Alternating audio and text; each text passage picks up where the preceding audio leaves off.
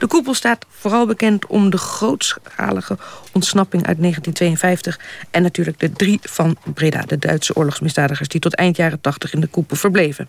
Het idee achter die koepel was dat de architectuur de gedetineerden zou disciplineren... en tot inkeer zou brengen, omdat ze in die ronde ruimte constant bekeken, zich bekeken zouden voelen.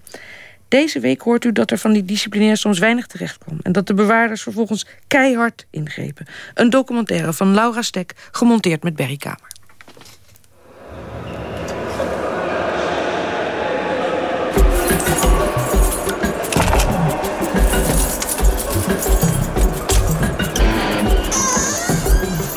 Eerste frustratie wat er gedetineerde achter de deur. Een botveertje op iemand met zo'n trui aan. Dat is het eerste wat ze zien, hè? dat is justitie. Het gebeurde wel als je s'avonds buiten stapte en je een soort van verlichting liep. Gelukkig niet gebeurd vandaag.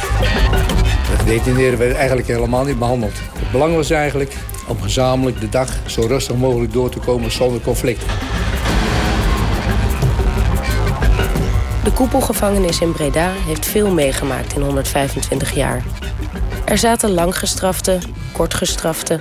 Soms was de koepel half leeg, dan weer overvol. Nu is het een huis van bewaring, waar zowel lichtere als zwaardere delinquenten wachten op het eindvonnis. Twee voorbeelden daarvan staan naast elkaar in de koepel. Hij wil niet praten. Normaal wel zo praten. De koepel functioneert nu als tussenstation, waar de gevangenen het liefst niet te lang zitten. Zes tot acht weken hoop ik dat ik weg ben hier zo. Dat ik naar de gevangenis ga. Ja, een gevangenisregime is toch iets beter. Heb je wat meer bezoek, meer vrijheid. Hier zit je zeg maar, eh, wat is het, 21 uur, 22 uur per dag bijna achter de deur. 16 uur, dat is een dagprogramma hier in beperkte regimes. En in een gevangenisregime dan gaat de deur om 8 uur open tot 5 uur s'avonds. En s'avonds weer recreatie. Twee keer per week bezoek. Dat is toch wel een heel verschil, hè? Begin jaren 70 is dit nog het eindstation voor de gedetineerden. Dan is de koepel exclusief gereserveerd voor maar 60 langgestrafte mannen. Moordenaars, eh, overvallers, bankrovers. Dus echt mensen die eh, behoorlijk wat jaartjes moesten zitten. 10, 15, 20, 25 jaar levenslang. Dus het was de crème de la crème van de Nederlandse eh, misdaad. Bewaarders André Timmermans en Ton Mink beginnen in 1971 in de koepel. Breda heeft een bijzondere positie binnen het gevangeniswezen. Daar komt Ton Mink pas achter als hij voor een korte periode wordt overgeplaatst naar het Huis van Bewaring in Den Bosch. En dan kwam ik eigenlijk van de hel van de koepel in de hemel van het Huis van Bewaring in Den Bosch. Want in Den Bosch was het personeel de baas. En toen ik dat eens had en zag dat het ook anders kon... bleek dat in Breda de gedetineerden in feite de baas waren. De spanning die er altijd heerste, dat was enorm zwaar. S'avonds om tien uur dan, eh, was het eh, einde avonddienst en begon de nachtdienst. Om half tien moesten de gedetineerden worden ingesloten. Dan hadden wij echt een half uur de tijd, van half tien tot tien uur... om ze te vangen. Echt letterlijk te vangen. En ze successievelijk zo achter de deur te krijgen. De deuren moesten ook eigenlijk altijd gesloten zijn. Maar de deuren waren niet gesloten. De deuren gingen s morgens om 7 uur open tot s'avonds half tien naartoe. Totdat we, wat ik net zei, moesten gaan vangen. Er was een hele grote Surinaamse gedetineerde die straf had gekregen. Die kreeg van de directeur zeven dagen isolatie door te brengen in de cel. Hij woonde op cel 96. Ik zie ook dat beeld nog voor me.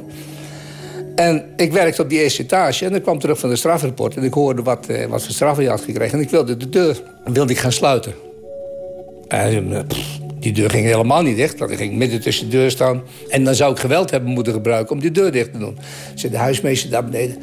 Rustig maar, Ton, laat maar, laat hem maar. Ik heb zeven weken lang die grote bruine arm over die deur zien hangen.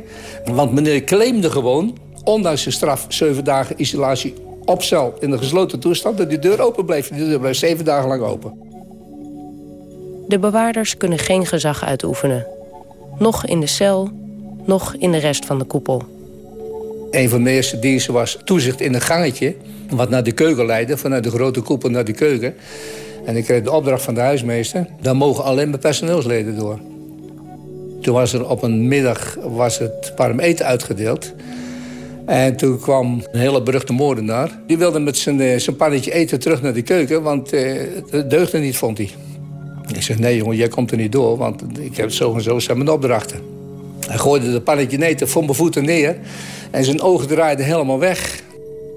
Als je die aankeek, ja, die keek je eigenlijk niet aan. Die keek dwars door je heen. Die had zo van die, eh, die koude ogen. Dat, ja, dat maakte vooral de eerste keren dat je hem zag behoorlijk wat indruk, ja.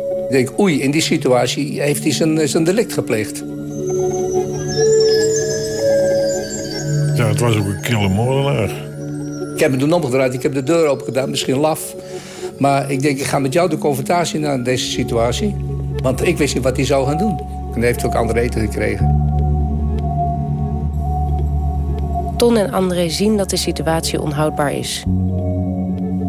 Maar in een vastgeroest regime blijkt verandering lastig te realiseren. Ik wilde wel, die jonge personeelsleden wilden ook wel... maar van beneden zeiden ze, rustig, rustig. Dat waren die oude huismeesters, oude brigadiers. Als het liefst hadden ze geen conflicten. Dank je. Nu is de situatie wel anders. Gaan we hierin? Waar er in de jaren 70 nog geen enkele beroepsopleiding bestaat... worden er nu uitgebreide psychologische en fysieke trainingen gegeven. Hoi. Hoi Willem. Bewaarder Anthony laat de locaties van het personeel zien. Hier zijn wat kantoren, de wasserij, de dojo... waar wij uh, als personeel zeg maar uh, één keer in de week zelfverdediging krijgen. Het is wel goed om uh, te weten hoe je gepast geweld kan gebruiken. Als iemand jou probeert te slaan, dat je dan ook weet hoe je een aanval zeg maar, op een goede manier, correcte manier kan afbreken. Je gebruikt eigenlijk zijn energie om hem op een goede manier naar de grond te brengen. Snap je? Dus jouw kracht is eigenlijk niet eens belangrijk. Maar je wordt, uh, je, je wordt trucjes aangeleerd waardoor je zeg maar, een slag of een, een uh, goed af kan werken zonder dat er gewonden vallen. Ik ben in mijn arm gebeten door een gedetineerde. Daar heb ik litteken nog van. Kun je nog zien waar ze tanden gezeten hebben. Ik kreeg eerst een slag in mijn gezicht. Hij greep me toen beet en gooide met mijn buik op die reling... en begon te hijsen om eroverheen te gooien. Net een gorilla. Zo was hij ook. Alleen niet behaard. Mijn collega liep net aan de overkant. Is toen vlug naar me toegekomen. Dan had ik hem al in een greep tegen de muur aan. Ja, ik ga er gewoon normaal mee om. Hun kunnen er niks aan doen waar je zitten. Wat je geeft, krijg je ook terug, lijkt me. Als je een grote bek hebt, ja, dan uh, hoef je niet veel te verwachten, lijkt me. Maar het blijft justitie, hoor. Ja, dat is dan toch wel die scheidslijn.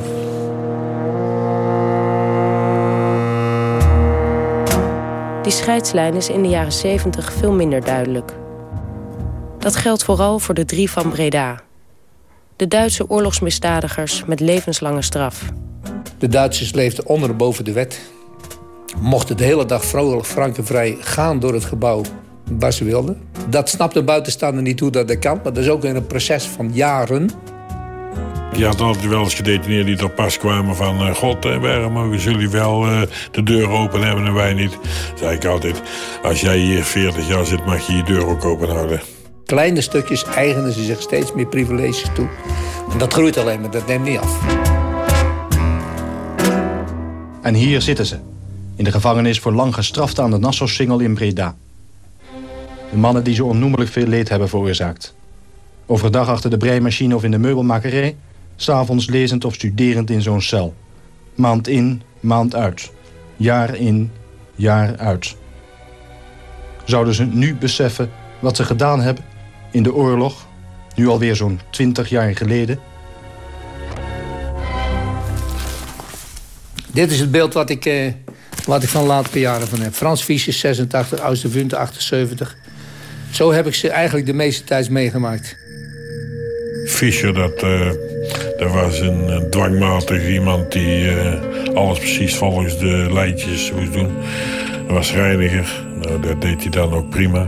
Als een directeur zei, Frans, ga je dat doen? Dan deed hij dat. Maar die was in zoverre geïnstitutionaliseerd... dat hij me nauwelijks besefte waarom dat hij daar nog zat. Oosterfunte, dat was het heer. De meer intelligente, statige, grote, reizige, statige man. Ook vrij terughoudend. Dan had je Cortella nog. Dat, uh, dat was gewoon een etter. En die had helemaal niks geleerd. Klein vinnig ventje, de kampbeul van Amersfoort. Daar ligt alles al in opgesloten. Dit alles wat God verboden heeft. Later uh, toen reed hij in een rolstoel en probeerde hij Amerikaans kreeg op je hielen te rijden en zo. Nee, die zat echt niet goed in elkaar. Op de vraag of de bewaarders dagelijks weerstand voelden ten opzichte van de Duitsers, zegt Tom Mink. Nee, nee.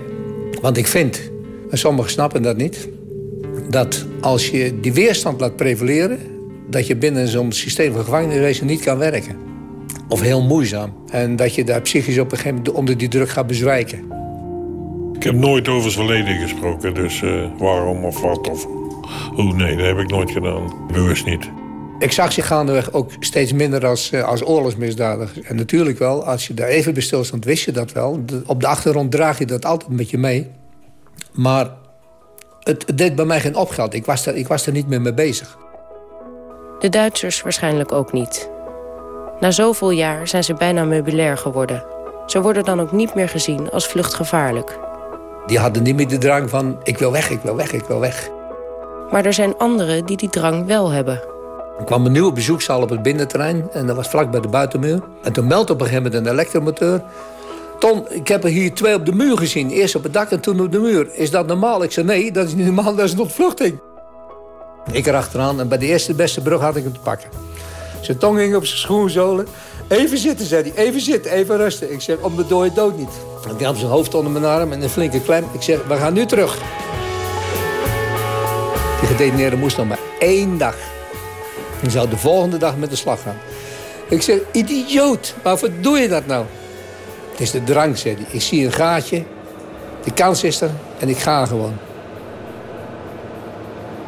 De jaren 70 is de periode dat er veel verandert binnen het gevangeniswezen. Gedetineerden worden mondiger, willen meer inspraak en meer rechten in plaats van plichten. De gedetineerden krijgen nu ook officiële vertegenwoordiging. Een GDECO. Die is er nu ook nog. Ja, nou maar leg het dan gewoon uit, jongen, wat dat is. Nou, de GDECO is die behandelt uh, de klachten van de gedetineerden. Dus als de gedetineerden ergens een klacht over hebben... dan uh, neemt de GDECO dat in behandeling en dan legt hij dat voor aan het personeel. Dus eigenlijk in plaats van dat de gedetineerden dan rechtstreeks naar het personeel gaan... hebben ze dan een tussenpersoon die zelf ook de situatie heel goed in kan schatten, zeg maar. Dus een beetje een eigen, eigen volk, zeg maar. Gewoon een veredelde maatschappelijk werken dan, hè? Zoiets, hè? Zoiets. Officieel hebben de langgestraften nog wel arbeidsverplichting. Maar in de koepel wordt dat niet zo nauw genomen. In de jaren 70 werkten ze maar te nauwe nood. Een enkeling. Dat was meer, eh, meer een beetje tijdvulling op een houtbedrijf. En we hadden toen ook een schoenmakerij en een textielafdeling. Later is dat veel veelzijdiger geworden. Houtbewerking, uh, spuiterij, metaal. Dit is inpak. We hebben ook nog een inkomstenwerkzaal. Goeiedag, jongen. Zouden wij heel even jullie op de werkzaal mogen kijken? Uh, mi français, pas, no, oh, no speak uh, Hollandais. dus jij bent ook op inpak tegenwoordig? Uh, ja, rijd ik van alles. Van maandag tot vrijdag. Van 8 tot half 12. En dan uh, van half 1 tot 4 uur.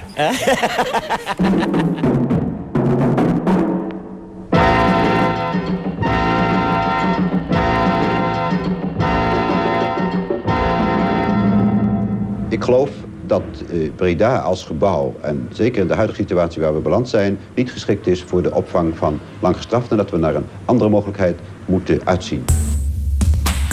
Dat zegt staatssecretaris van Justitie Hans Gosheide. In 1973 is de situatie onhoudbaar geworden. De bewaarders hebben geen controle, de directie is afwezig en de gedetineerden willen actievere behandeling. Het onderzoeksteam constateert onze ervaring is helaas op vele punten zo geweest dat wij van mening zijn dat deze staf in zijn totaliteit deze zaak niet aan kan. U zou de, de situatie explosief willen noemen? Absoluut. Die, eh, die, die uh, toestand is daar heel bedenkelijk vaak. Ik dacht dat het gevaar voor explosies niet te ondenkbaar is. Vanwege die dreiging wordt de gevangenis ontruimd. Oh, dat gaf een soelaas toen die eruit moesten. Die werden allemaal plukjesgewijs eruit gehaald. Die gingen naar Veenhuizen, naar Norgerhaven, naar Amsterdam, naar Haarlem. Dat was wat hoor, toen die eruit gingen. Een hoop bombarding, een hoop geweld, een hoop uh, fysieke kracht van justitie werd er tegenovergesteld. Mensen van buiten kwamen er binnen toe. En er zijn erbij die, uh, die hebben gewoon echt moeten dragen. Ja, er was maar één weg. Ze moesten eruit, of ze er wilden of niet. Dat is niet goed schiks dan maar kwaad schiks. De langgestraften komen niet meer terug. Voor de drie oorlogsmisdadigers wordt een uitzondering gemaakt. Die mogen na een korte overplaatsing terug naar Breda. Maar voor de rest is de koepel vanaf dat moment bestemd voor kortgestrafte delinquenten. Toen dat die koepel leeg was, en kregen wij in 1973 een nieuwe directeur. Het was heel opmerkelijk. Die riep het hele personeel bijeen. In een grote houten barak op het buitenterrein, waar de gedetineerden bezoek kregen. Hij ging daar zitten en ik hoorde hem nog zeggen... mensen, hoe gaan wij het hier nou in de toekomst doen? En toen vielen onze schellen van de. Wauw, een directeur die zegt, hoe gaan wij het doen?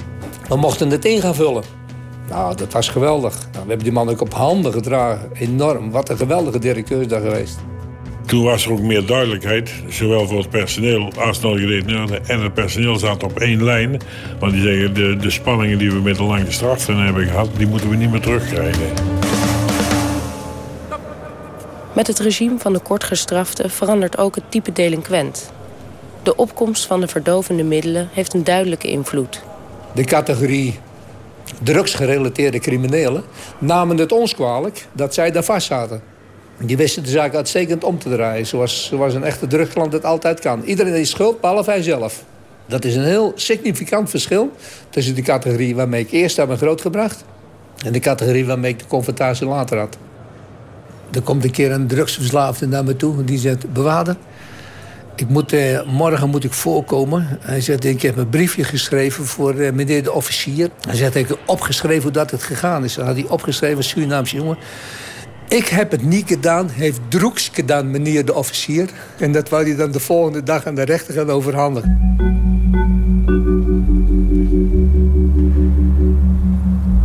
De gedetineerden kunnen lastig zijn. Maar de bewaarders zijn over het algemeen gelukkig met het nieuwe regime. Ze houden de touwtjes nu strak in handen. Toen was het veel ontspannender werken. Zeker de eerste 10, 12 jaar met de kortgestraft. Duidelijkheid, allemaal op één lijn. Dan gingen ze vanaf dat moment op celbezoeken ze binnenkwamen. We gingen ze voorlichten, confronteren met de regels, wat we van ze wilden, wat we van ze verwachten. Wat ze zelf dachten, enzovoort, enzovoort. En we hadden met elkaar afgesproken, we zijn heel direct. Dit mag wel, dit mag niet. Als iets fout gaat, één keer waarschuwen, tweede keer geven we een tik met de gummistok. Eind jaren 70, begin jaren 80 wordt de gummistok het machtsmiddel van de bewaarders. Er verschijnen zelfs artikelen in de krant dat gedetineerden zich niet meer veilig voelen. Ik kan me een geval herinneren, er was ook weer een woonwagenbewoner uit Dordrecht vandaan. En die hadden we zoveel tikken gegeven. En hadden ze erbij zelfs zijn arm gebroken. Achteraf zeg ik, dat gebruik van die gummistok, daar ben ik op zich niet trots op. Maar je moet het allemaal zien in het licht van die situatie, zeg ik altijd maar. In 1982 treedt directeur Rommers aan. Hij besluit dat het genoeg is. De bewaarders moeten hun gummistok inleveren. Wij waren die langgestrafte gewend. We waren dat restrictieve regime gewend met die kortgestrafte... met die duidelijke afspraken tot zover en niet verder. En in die, in die zin gebruikten we heel vaak eh, de gummistok. En toen kwam meneer Rommers die zegt... nou, het is nu afgelopen, ik pak jullie gummistok af. In die tijd zat ik eh, in de ondernemingsraad... via de, als afgevaardigde van de Avacabo. En uh, ik heb veel met meneer Rommers aan de tafel zitten. En behoorlijk fel hebben wij gediscussieerd. Want wij waren toch bij uitstek die militairen die daar waren aangenomen. Flink aanpakken. Goed tegen discipline kunnen. En nu werd er van ons verwacht dat we verbale kwaliteiten zouden bezitten... in plaats van de strijd aangaan. Fysiek de strijd verbaal aangaan. Nou, daar snapten wij dus helemaal niks van. Toen kwam ik het woordje binnen, resocialisatie. Uh, het gevangeniswezen had ik in de gaten. Wij moeten meer met ons personeel gaan doen. Dus van het hele land uit werd iedereen weer in een vervolgcursus ingestopt. Toen werden uiteindelijk werden we ook uh, geen bewaarder meer genoemd... maar werden we penitentiaire inrichtingswerkers...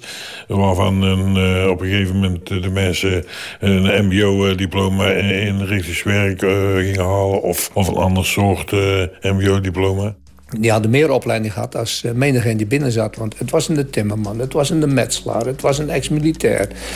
Ja, het was een, stelletje bij elkaar gezochte mensen die ze kwaliteiten toedichten om met gedetineerden overweg te kunnen. En dat bleek ook niet altijd, altijd goed te gaan natuurlijk.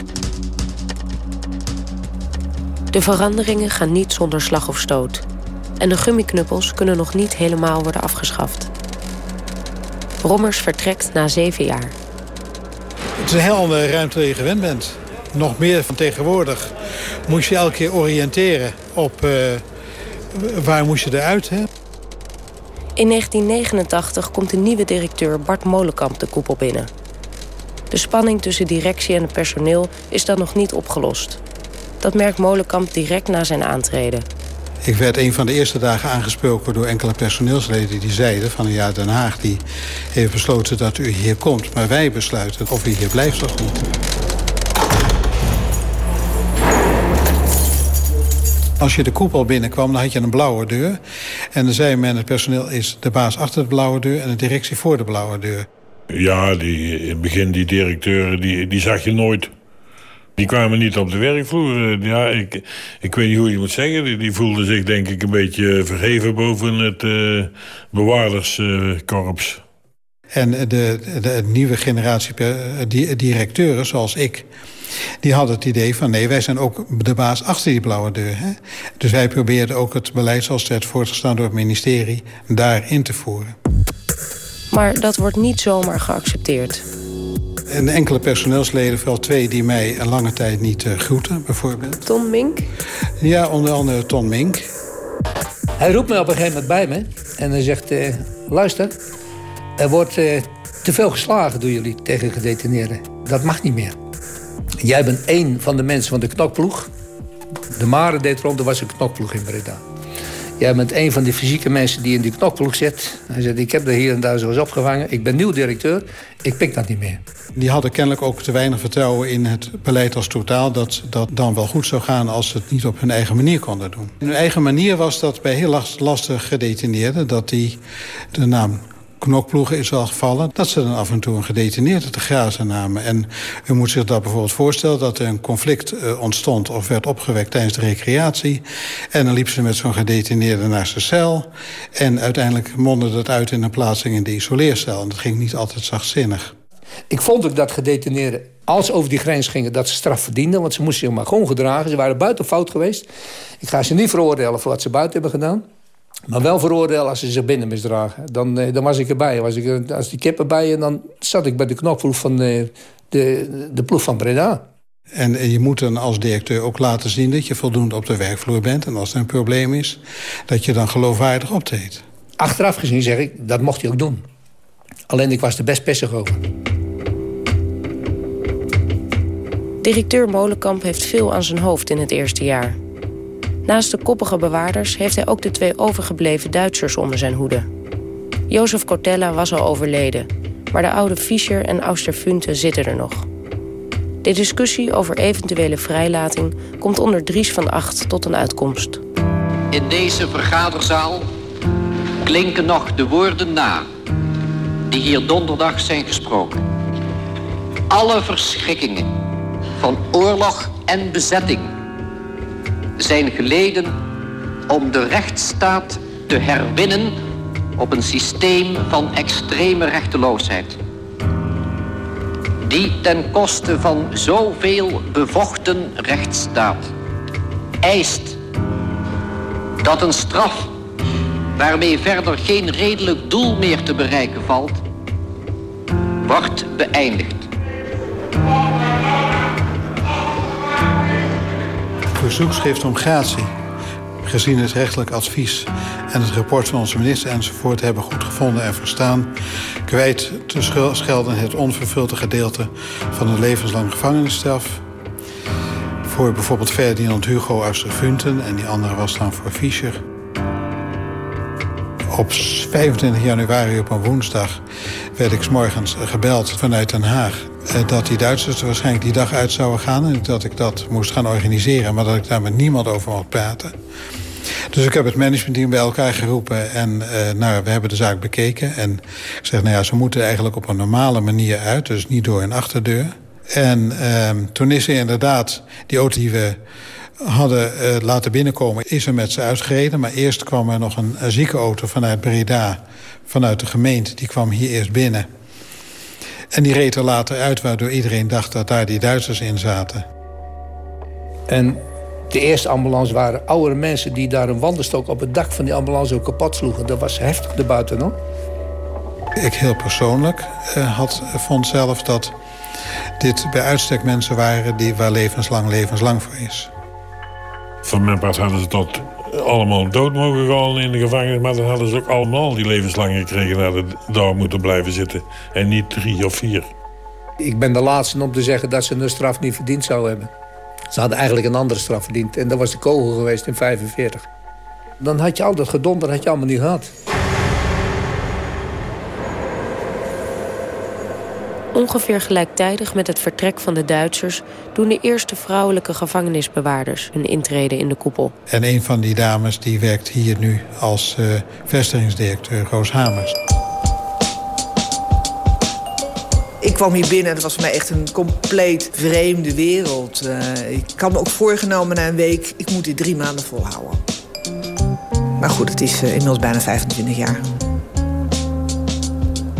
In die tijd dat ik hier kwam, um, was ik een van de eerste vrouwelijke inrichtingswerkers. En toen had men toch zoiets van, nou, het is goed dat er vrouwen binnen, het, uh, binnen de manneninrichting gaan werken. Want het geeft toch een wat andere dynamiek, een wat andere sfeer. Ah, Maya, Maya, vrouwen binnen. Nooit, nooit. Mannen die er in die tijd werkten, die vonden dat eigenlijk maar niet. Want het was echt, uh, je kreeg uh, gewoon het antwoord... ja, vrouwen horen achter het aanrecht.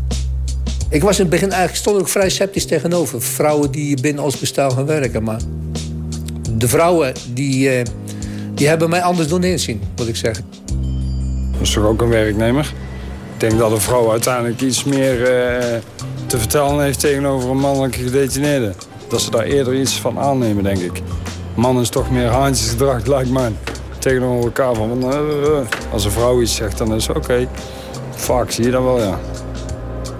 Maar, oh, oh, er zijn ook mensen die vrouwen dan weer niet mogen. Hè? Dat is weer hetzelfde, dat is persoonlijk, hè. Roos Hamers loopt eerst stage in de koepel... om na een aantal omzwervingen terug te keren als directeur.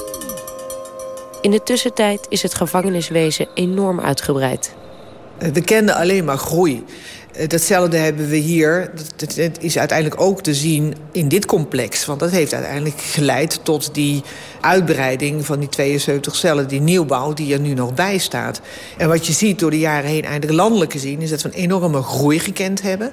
En dat heeft uiteindelijk in 2008, 2009 kwamen we erachter van... er komt nu echt een kentering in die groei. En we gaan dus nu terug in het aantal cellen. En in die daling zitten we nog steeds. Hij blijft een beetje hangen. En wat een hele belangrijke component die erbij gekomen is... is met name de bedrijfsmatigheid binnen onze organisatie. Tegenwoordig heb je die enorme bezuiniging gehad met het gevangeniswezen. Er zijn gedetineerden die zitten 23 uur van de 24 uur achter de deur. In het verleden had je wel veel meer zicht op een gedetineerde. Ook al deed een gedetineerde nergens aan mee. En dan is het maar om de deur open te doen en zeggen van... Jan of Piet of Kees, wil je koffie? Dan aan de reactie kan je gewoon zien en hoe iemand eruit ziet... hoe iemand zich gedraagt, hoe het met iemand gaat. We waren de hele dag met die gedetineerden bezig. We gingen ermee naar de sport. We gingen ermee naar de bibliotheek. We begeleiden ze overal naartoe. Je zag de gedetineerden de hele dag door. Een van de dingen is dat wij ervan uitgingen dat de gedetineerde zitten in de baas... en dat is de straf, het zitten zelf. En dat je daar geen strafverzwarende zaken aan mag toevoegen. En er zijn ook internationaal afspraken dat je moet proberen... een gedetineerde in de inrichting een, een, beetje normale voorzieningen te laten hebben. Bijvoorbeeld dat hij gewoon aan de arbeid in de inrichting kan deelnemen. En nou is een nieuw plan dat je alleen aan de arbeid mag deelnemen... als je je dus heel goed gedraagt. Hè? Dus niet alleen normaal gedraagt, maar heel bijzonder goed. Nou, dat is heel erg vreemd.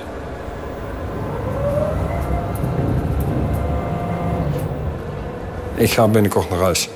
Ik heb daar een keer mijn straf erop zitten. En dat is nog uh, twee weken. Dan ben ik klaar gelukkig.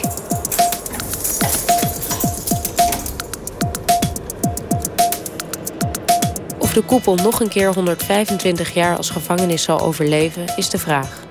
Het voordeel dat alles in één oogopslag zichtbaar is, blijft.